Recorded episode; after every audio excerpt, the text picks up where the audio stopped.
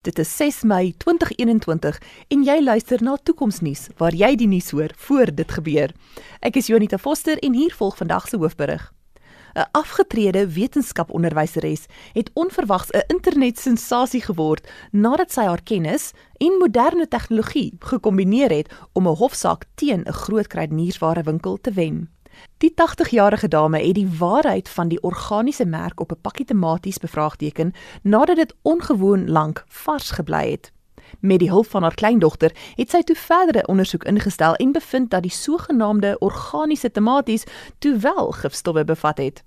Pieter Geldenhuys is saam met my in ateljee om te verduidelik watter tegnologie dit moontlik gemaak het. Welkom Pieter. Hallo Junita. Pieter, verduidelik vir ons hoe kon hierdie wetenskaponderwyseres, hierdie afgetrede wetenskaponderwyseres bewyse insamel dat gifstowwe wel op die tomaties gebruik is? Unita, die dame het 'n tegnologie gebruik wat so lank terug soos 2018 al in die mark verskyn het. Dis 'n klein toestel met die naam SIO en is 'n spektrumanaliseerder. Dis 'n klein toestelletjie wat jy in jou hand kan hou en wat dan direk met jou foon koppel via Bluetooth. Enigiets wat jy skandeer, word dan na die foon toe gestuur en na die internet oorgedra waar dit geanaliseer word en dan word die inligting en die analise daarvan teruggestuur na jou foon toe. So hierdie klein analiseerder kan jy gebruik om enige materie te skandeer en dan agter te kom watter elemente uit hierdie materie uitgemaak is.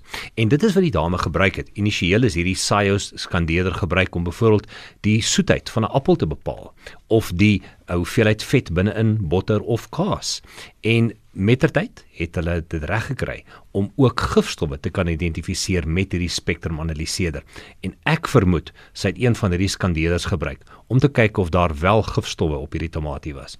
Nou waar anders kan hierdie skandeerder dan nou ook gebruik word? Daar's geweldig baie ander gebruike. Jy kan byvoorbeeld dit gebruik in myne waar jy wil bepaal wat die inhoud is van sekere materie. Jy kan dit gebruik uh, op plase om te kyk wat die voginhoud is van mielies voordat jy dit wil oes. Jy kan dit selfs gebruik as jy na die boeremark toe gaan om te kyk of daai sogenaamde organiese produkte op die boeremark wel selfverbou is en of dit eenvoudig op die mark aangekoop is. Hoe gaan produsente en en verkopers van landbouprodukte dan nou hulle gedrag moet verander om aan te pas by hierdie mag wat aan die eindverbruiker gegee is? Ons moet besef dat alles deursigtig word. Alles word aan die internet gekoppel en hierdie deursigtigheid en ook die vermoë om materie te kan ondersoek, selfs na die kwaliteit van water te kyk, gaan ons sien dat gebruikers al hoe meer en meer krities raak oor hulle produkte. En dit gaan eenvoudig beteken dat verbruikers daarop moet reageer. Hulle gaan definitief by hulle beloftes moet hou dat as hulle sê produkte was organies, dan is dit organies of as hulle sê hulle water is suiwer, dan moet hulle dit kan aandui dat dit is. Nou is dit baie makliker vir die gebruiker om die leenaars uit te wys en dit gaan 'n baie groter druk plaas op verskaffers en ook die verkopers van die produkte om seker te maak dat dit wat hulle beloof wel is wat hulle verkoop. Dankie Pieter.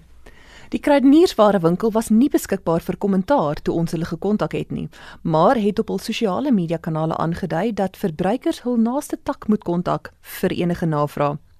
Die finansiële impak van hierdie hofsaak is nog nie bekend nie, maar kenners sê dat dit dieselfde impak kan hê as die groot listeriose uitbraak van 2018. Dit was Pieter Geldenhuys en Jonita Foster vir Toekomsnuus, waar ons die moontlikhede van die toekoms ondersoek.